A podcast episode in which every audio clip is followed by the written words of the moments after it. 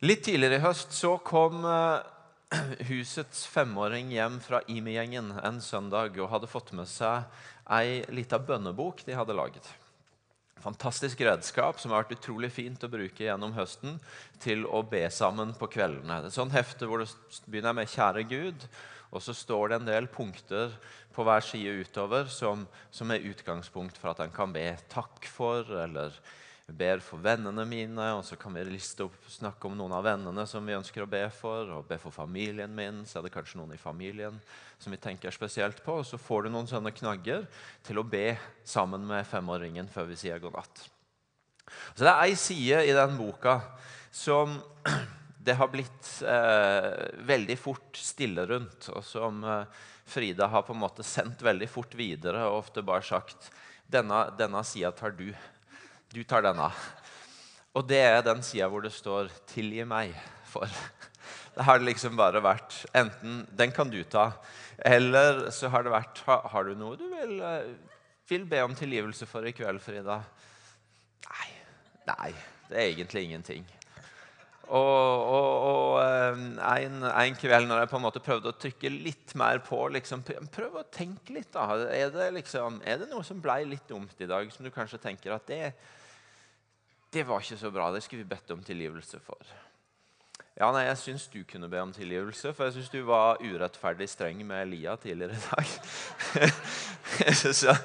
Det var på en måte det som kom i retur. Så det måtte jo ende med det at jeg måtte rope inn Elia, og han var helt enig med sin søster i den analysen. og så endte det med at jeg måtte be om tilgivelse, men Frida gikk fortsatt klar. um, Og Det har jo vært litt interessant å reflektere litt over. da. Hvor stort ansvar har jeg som far for min lille jente sin synserkjennelse? Skal jeg liksom trykke på for at nå må du, nå må du vende om, Frida? Nå må du granske deg sjøl? Ikke, ikke følg tanken for langt. Jeg, jeg, vet at hun er fem, og jeg har, jeg har roen. Jeg har ikke, jeg ikke pressa henne veldig. Men egentlig, hvis du tar det litt videre, så er det en ganske interessant ting å tenke på. Hvor stort ansvar skal jeg ta for at noen andre skal innse at her trenger du å vende om, eller her trenger du å be om tilgivelse? Én ting er femåringene våre, som vi på en måte leser, eh, ser med barneperspektiv. Men, men, ganske mange av oss har en del folk rundt oss som vi nok antagelig tenker at Og det trenger ikke å begrense seg til å erkjenne synd, men det kan handle om at ah, jeg skulle ønske de bare greip det der. Jeg skulle ønske de bare skjønte at her er det tid for å vende om. Eller jeg skulle ønske at de bare omfavna det ordet som har lyttet over livet de sitt så mange ganger. Eller jeg skulle ønske at de bare skjønte hva som skjer når vi tilber, og de stiller seg på utsida. Eller, eller, eller, eller. Ting vi skulle ønske at andre greip. Og så er det litt sånn Ja, men hva er min rolle i det? Hvor mye kan jeg gjøre? Hva er mitt bidrag? Og og Hvis vi skal være ærlige, så er det vel sånn at noen ganger så er det vi sjøl som er de som hadde trengt det. Som kanskje de rundt oss ser og tenker Skulle ønske han bare greip det. Skulle ønske han bare skjønte at nå er det tid for å skifte retning litt. Skulle ønske han bare tok det ordet. Denne høsten så leser vi Det gamle testamentet i, denne, i menigheten. Vi har lest Josva, vi har lest Daniel. Vanskelig når du skal si Nehemia og Daniel på en gang. Eh, vi har lest Daniel. og har, Det er veldig bra når du er litt sånn notorisk linær i, eh, i, hodet. Så skjærer det seg når jeg holdt på å si Nehemia før Daniel, for vi leste jo Daniel først. Og det må jo bli riktig linje. Vi har lest Josva, vi har lest Daniel og vi har lest Nehemia. Og nå er vi kommet til Jesaja. Det er sånn at En stor del av Det gamle testamentet det er profeter. Vi har de tolv såkalt små profetene som sier mye på kort tid. Og så har vi tre litt større, eh, Jeremia og Esekiel. Og så Jesaja, som er den største boka av de alle, og som, eh, og som er ei stor eh, bok med masse Veldig lite historie, egentlig. Veldig lite vi lærer om hvem, Joshua, nei, hvem Jesaja var men veldig mye vi får høre om det han fikk av Gud, og forkynne til det folk han var satt til å tjene, israelsfolket. Og eh, Jesaja det er, det er en fascinerende bok. fordi at På den ene sida er det en fantastisk bok. Fordi at den inneholder noen av de sterkeste og nydeligste ordene Bibelen har om det Gud ønsker å gjøre i vår verden. Om den han ønsker å være, om hva som skjer når han kommer og møter oss. Om lyset som stiger fram i mørket. Om, om håpet som kommer inn i håpløse situasjoner. Om, eh, om, om eh, blinde som skal få se, om fanger som skal få frihet. Det er noen fantastiske løfter og ord i Jesaja som gjør at jeg jevnlig hører folk si at Jesaja det er en av de beste bøkene jeg vet om i Bibelen. Og Senest på vei inn i dag så, så var det en som sa til meg ah, jeg gleder meg til i dag, for han skulle snakke om favorittprofeten min. Men så kom det en til. Uh, som når vi snakka om det at Jesaja var bra, så sa han ja, det er noe mye rart i Jesaja òg. Og Det er det som er den andre sida av det. Det er at uh, Sammen med alle disse fantastiske orda så er Jesaja også en ganske krevende bok å lese. Fordi du har disse fantastiske orda av løfter, av håp, av framtid. Og så har du også noen ganske krevende, skarpe, veldig tydelige og klare ord om hvordan Gud konfronterer synd og urett og feller en dom over det som ikke er som det skal være, i den virkeligheten han ser inn i. Og Disse her tingene lever på en måte om hverandre. Og det er En som har sagt at i Jesaja så møter du et sånt fullt bilde av Guds dom, og du møter et fullt bilde av Guds frelse om hverandre. Og Det gjør at det er spennende og av og til litt utfordrende bok å lese. Jesaja han Eh, eh, det er sånn med disse profetene, Jesaja er en av de, som sagt, at vi vet ikke så kjempemasse om hvem han var. For det står ikke så mye om han. Han er, Som de andre profetene så er ikke poenget med han egentlig biografien hans, men den budbæreren han var, det budskapet han fikk bringe til israelsfolket. Men det vi vet er at han lever i en tid hvor, hvor Guds folk, israelsfolket, opplever at det er uro rundt dem, hvor det er mange av nasjonene rundt som er mye sterkere enn dem, som har framgang. og de, de, er sårbare, de lever usikkert. Og inni det så er det også et folk som har forlatt mye av det som var utgangspunktet for det landet Gud ga dem, som har forlatt mye av den pakten og det livet de hadde med Gud, og som, og som har, om du vil, for å være et bibelsk språk, gått seg vill og, og gått seg vill fra det som var utgangspunktet for landet de fikk, og for livet de fikk med Gud. Og inni det så taler Jesaja. Ikke først og fremst om den politiske situasjonen, om, om navigeringa mellom de forskjellige landene og uroen rundt.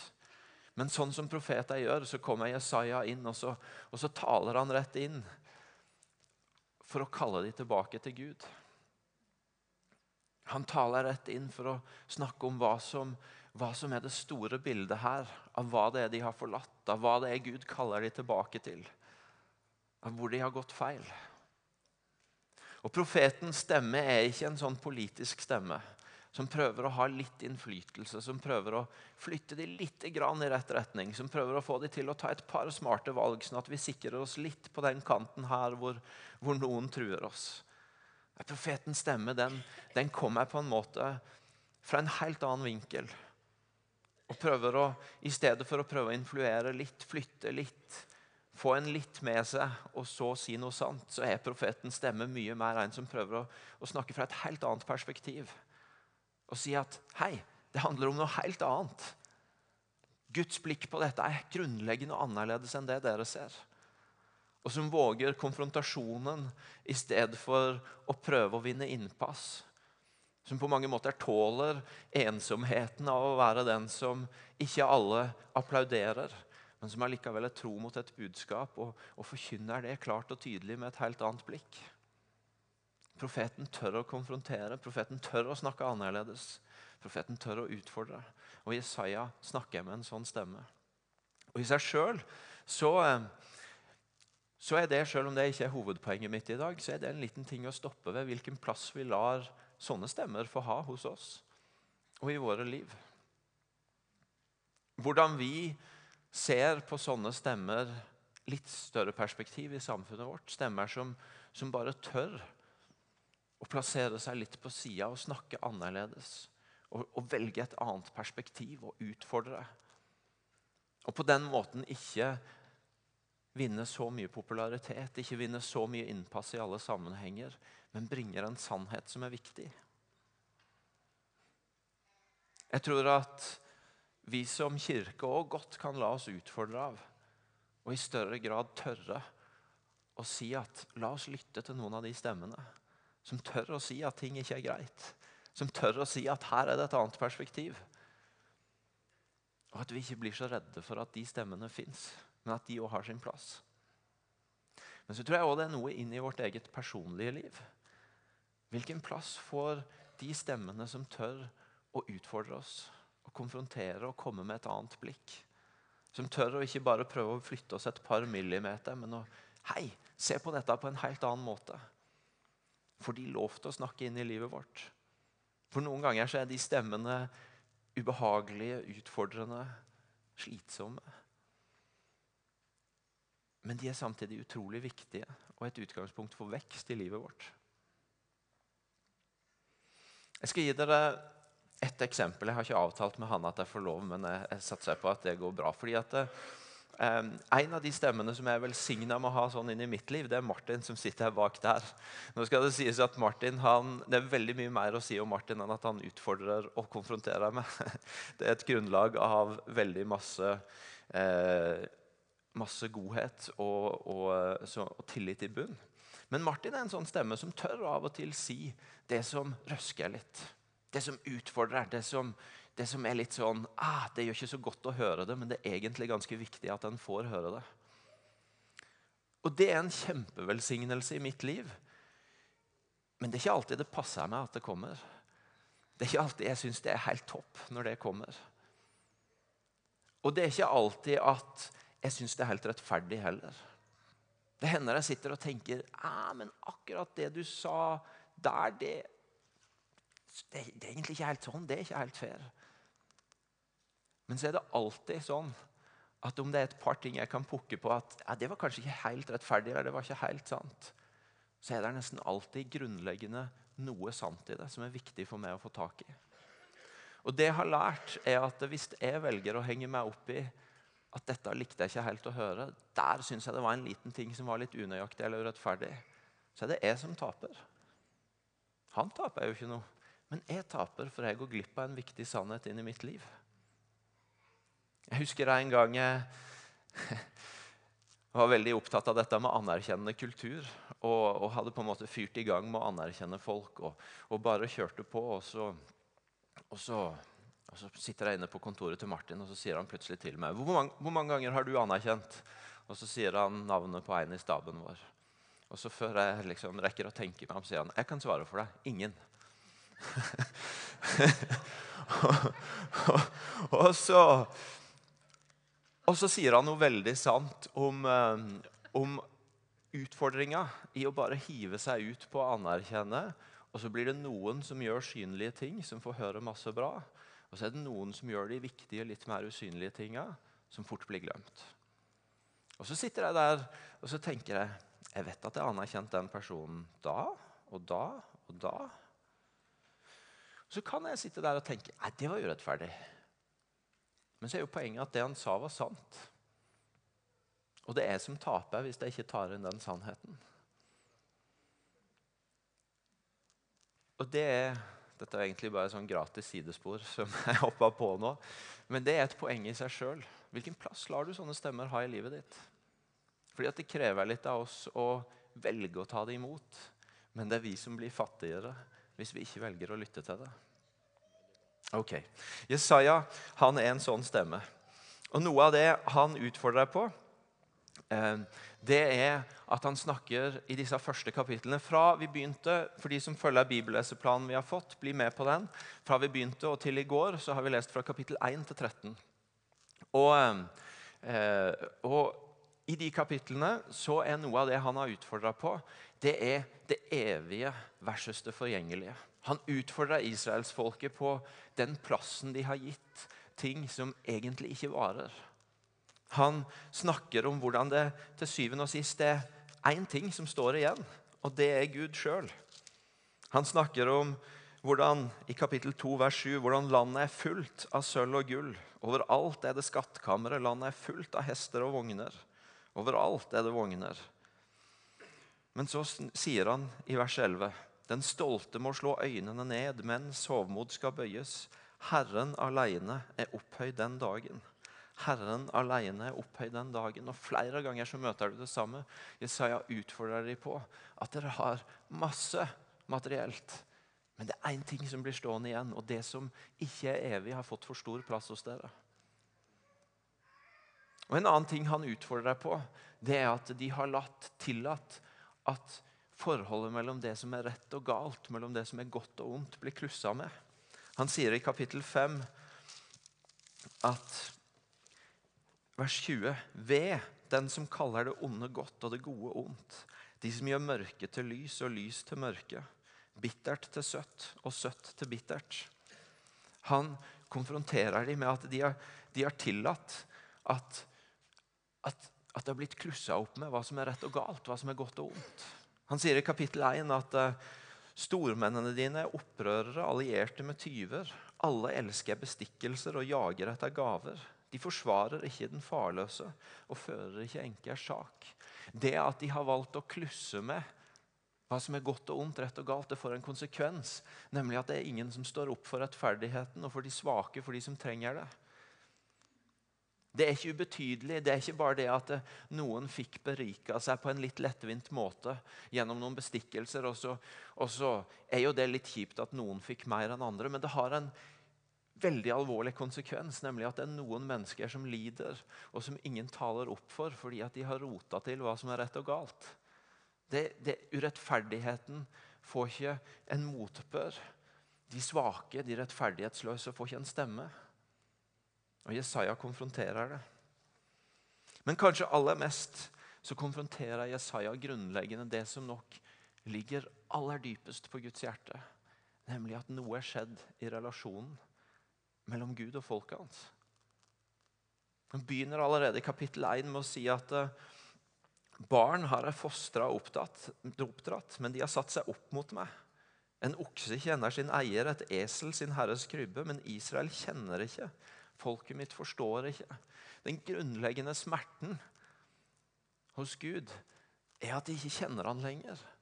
Er at relasjonen, som var hele poenget, er brutt.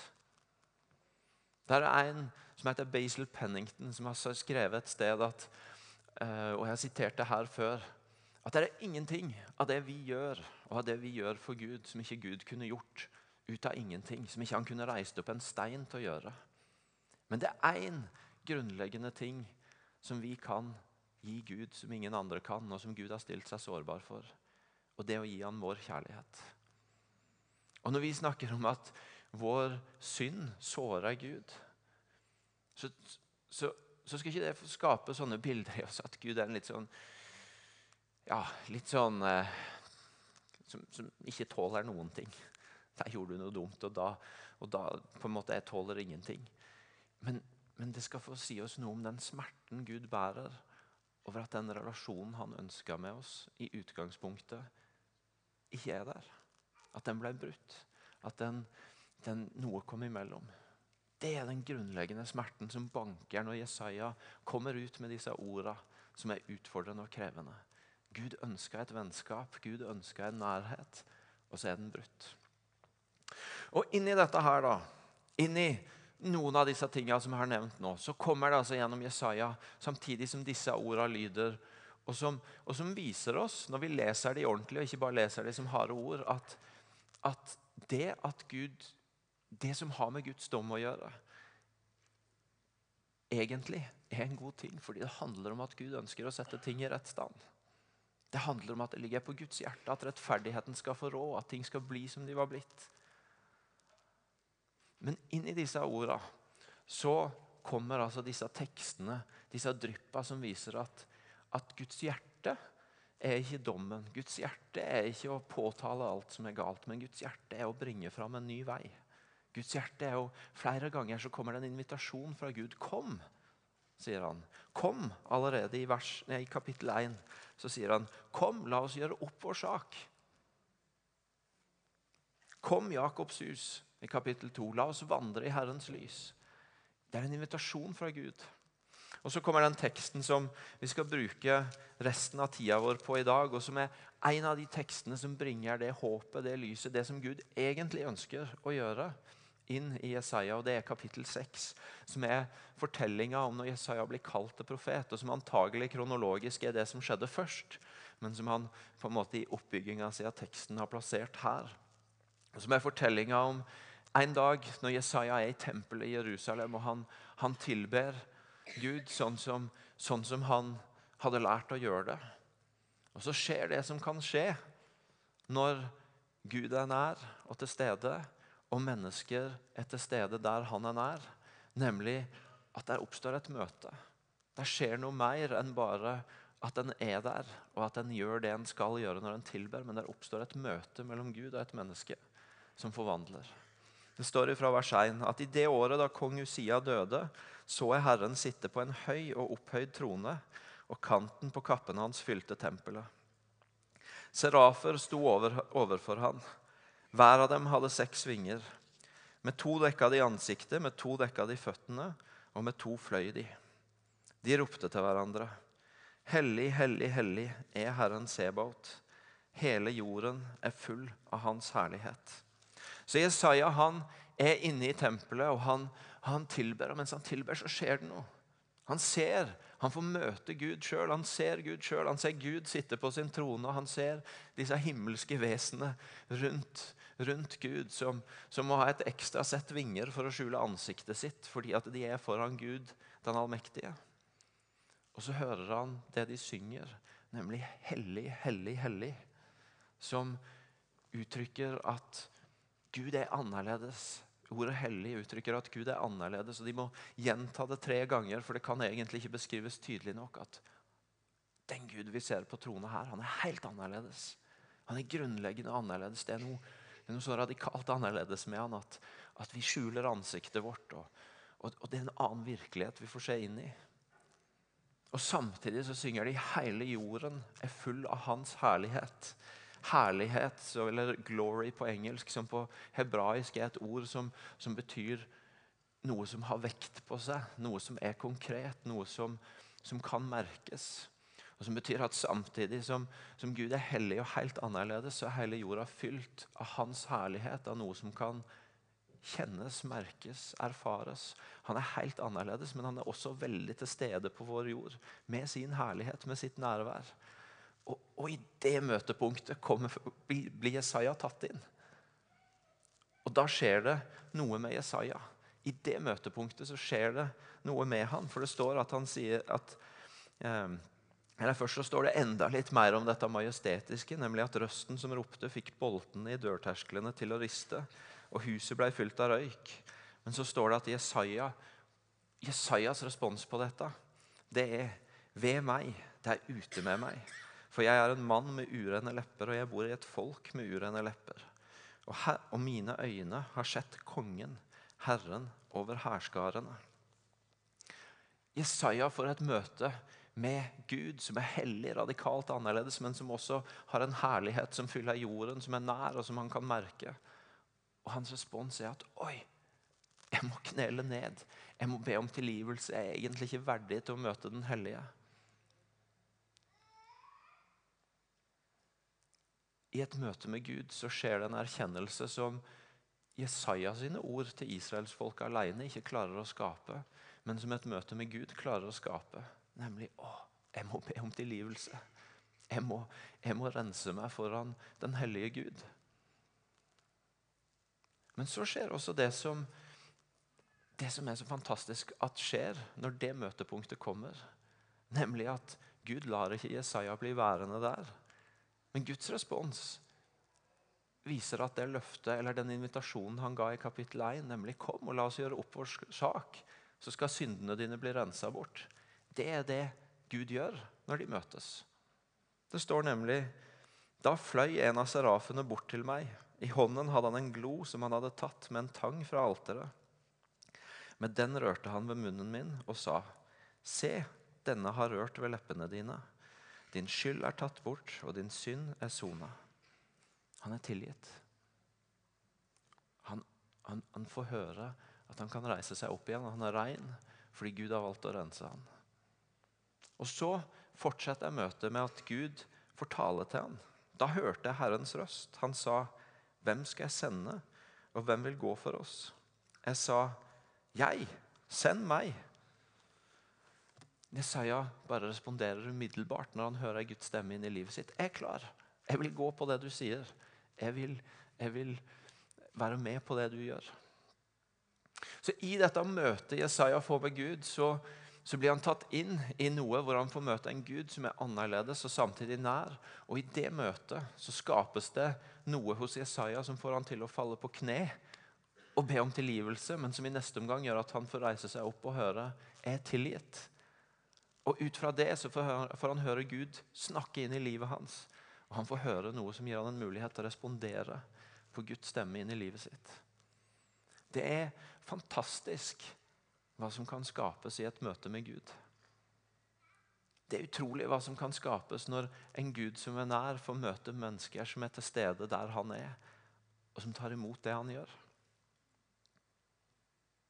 Og Da er vi tilbake til innledninga mi om Frida og etter hvert andre som en lurer på ja, hvor mye skal jeg ta på meg for at de får tak i at de burde vendt om, eller omfavner det ordet Gud har for dem, eller skjønner at her er det noe de må gripe rundt.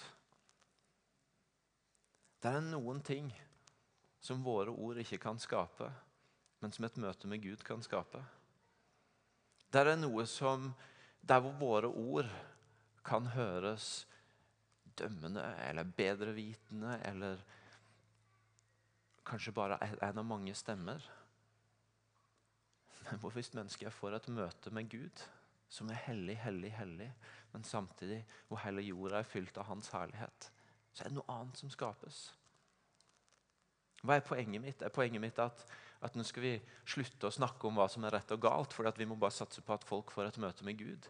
Nei, det er ikke poenget. Jeg tror, jeg tror denne verden trenger ei kirke som har en stemme som er sterkere snarere enn svakere. Er poenget mitt at, at, uh, at vi, skal, vi, skal, slutte å prøve å veilede folk og, og, og, og guide folk, og, på en måte bare satse på at det er Guds kjærlighet som gjør det, og, la oss ikke snakke om noe annet. Nei, jeg tror at hvis folk erfarer ei kirke og mennesker som egentlig ikke bryr seg, og ikke tør å si noe, så er ikke det et møte med kjærlighet. Er poenget at vi skal ikke veilede barna våre fordi at vi må bare satse på at Gud ordner opp i det? Satse på at Den hellige ånd tar oppdragerrollen? Jeg tror det er sant som en har sagt, at barn kommer inn i livet med to grunnleggende spørsmål. Er jeg elska, og kan jeg gjøre som jeg vil? Og skal det bli en bra oppvekst, så bør svaret på det første være ja, og det andre nei. Barn trenger at vi er involvert. Men poenget er bare det at det er noen ting som våre ord ikke kan gjøre, men som et møte med Gud kan gjøre.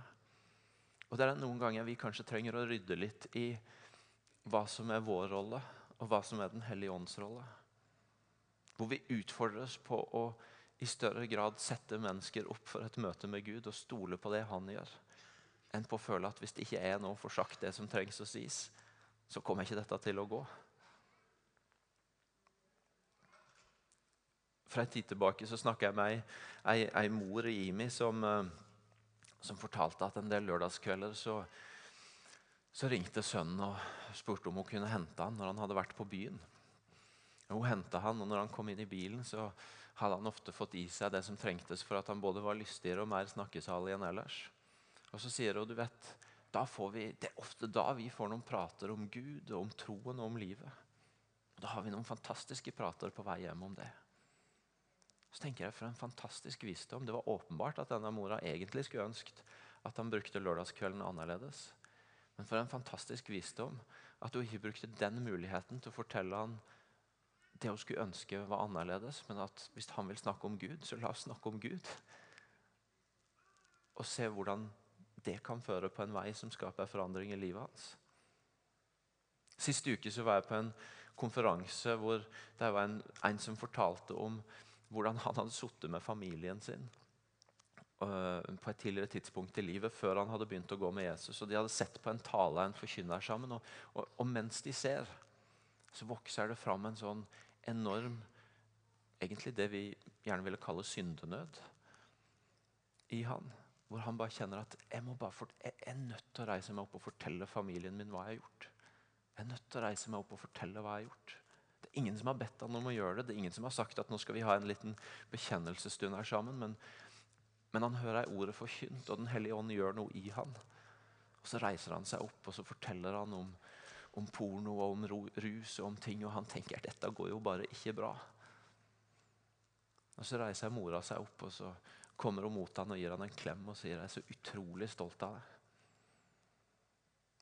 For ei utrolig klok mor som tør å stole på at Den hellige ånd gjorde det han skulle i den unge mannens liv, og valgte å omfavne det med kjærlighet. snakka om denne boka før i høst. Det er en fantastisk bok. Mange av dere har lest den. De som ikke har det, anbefaler jeg det. 'Strømmer av nåde'. Som forteller historien om et bønnesenter i Wales. Og Noe av det som har gjort inntrykk på meg, er masse historier om mennesker som får møte med Gud i en setting hvor mange har bedt til Gud, og hvor det er lett å merke at Gud er nær. Og Noe av det han som er leder av dette senteret, forteller om, som gjør inntrykk på meg, det er at når han forteller historier om menneskers liv som er blitt forandra, så forteller han utrolig lite om det han sjøl har sagt, og hans egne kloke råd og veiledning og forkynnelse, men han forteller veldig mye om at han klarte å få folk inn i kapellet eller inn på et sånt sted de har ute i hagen der hvor det står et kors og sånn. Og så prøvde han egentlig bare å komme seg unna, sånn at eh, Den hellige ånd og dette mennesket kunne ha et møte. Han var mye mer opptatt av å ikke stå i veien for det møtet enn av å få sagt sine kloke ord. Og Dette er ikke svart-hvitt. og igjen, Poenget mitt er ikke å si at vi aldri skal si noe, at det er aldri en plass for de tinga. Poenget er å ha en tillit til at Den hellige ånd kan skape noe i menneskers liv som mine og dine ord aldri kan. Hvordan setter vi barna våre opp for å kjenne Den hellige ånd, for å møte Gud? på en sånn måte at noen av de tinga som vi skulle ønsket vi bare kunne sagt i åssen det skulle være. Og så gjorde de det. Det må de i stedet få lære gjennom en relasjon med Gud. Fantastisk å høre på Terje fortelle om den investeringa den familien gjør, for at hele familien blir satt opp for å erfare Gud.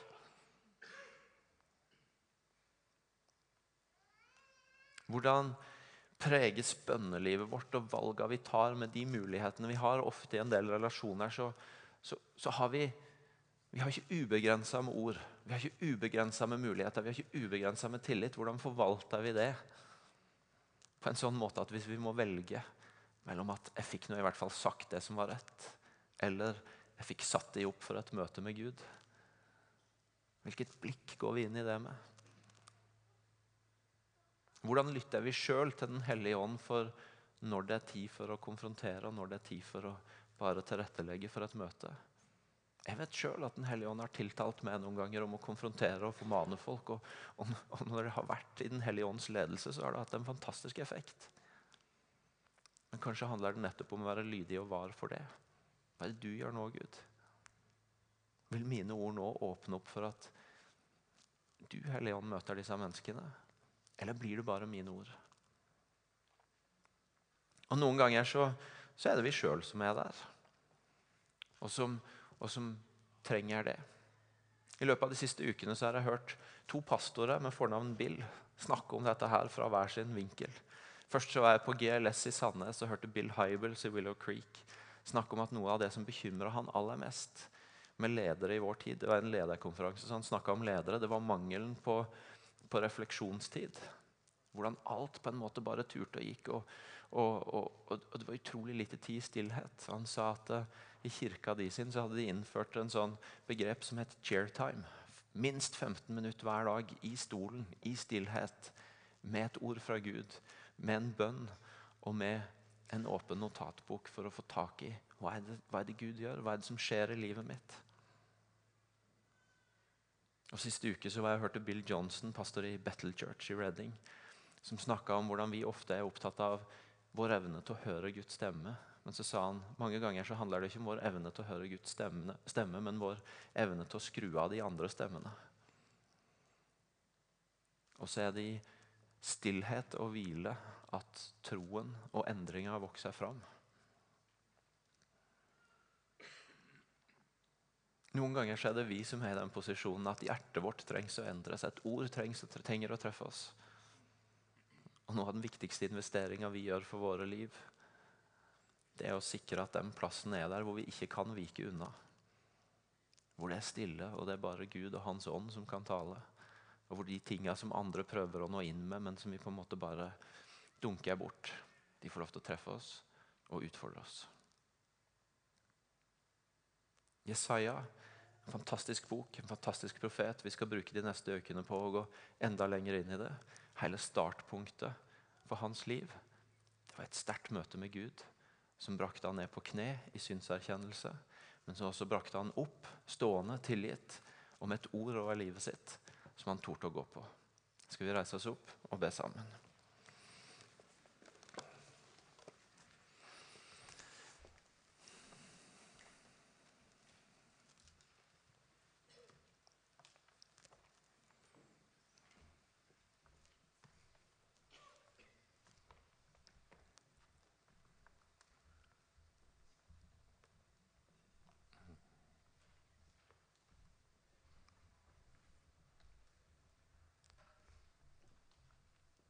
Hellige Ånd, spar denne verden fra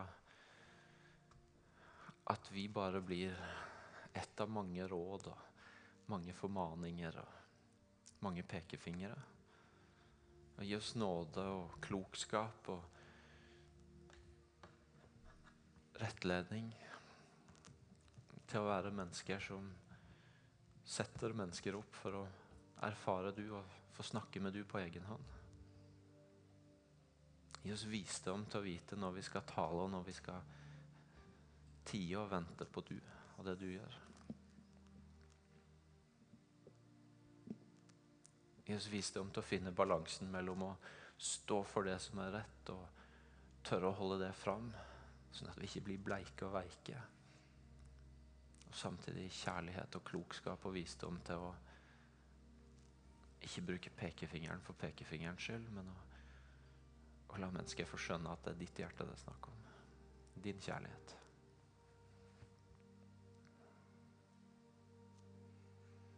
Jeg ber deg for de som er her inne nå, som akkurat nå trenger at du berører hjertet. Som er trøtt av alle stemmene rundt som prøver å fortelle dem hva de skal gjøre og ikke gjøre. Men som trenger å få høre din stemme over livet sitt og som trenger å få erfare at når du bringer en erkjennelse, så, så har det alltid sammenheng med at den får reise seg igjen og vite at den er tilgitt, den er elska. Du har en retning for livet. La det skje her inne akkurat nå.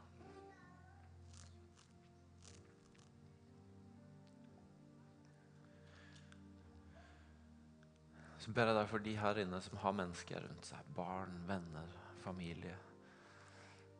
Som de merker at de, de prøver å nå inn til med et eller annet, men orda preller av. De treffer ikke. Det blir heller mer konflikt istedenfor mindre. Det blir, det blir ikke frukt av det. Så ber jeg deg om at du taler, Hellige Ånd, og viser hva som er veien for at din stemme og ditt nærvær får berøre.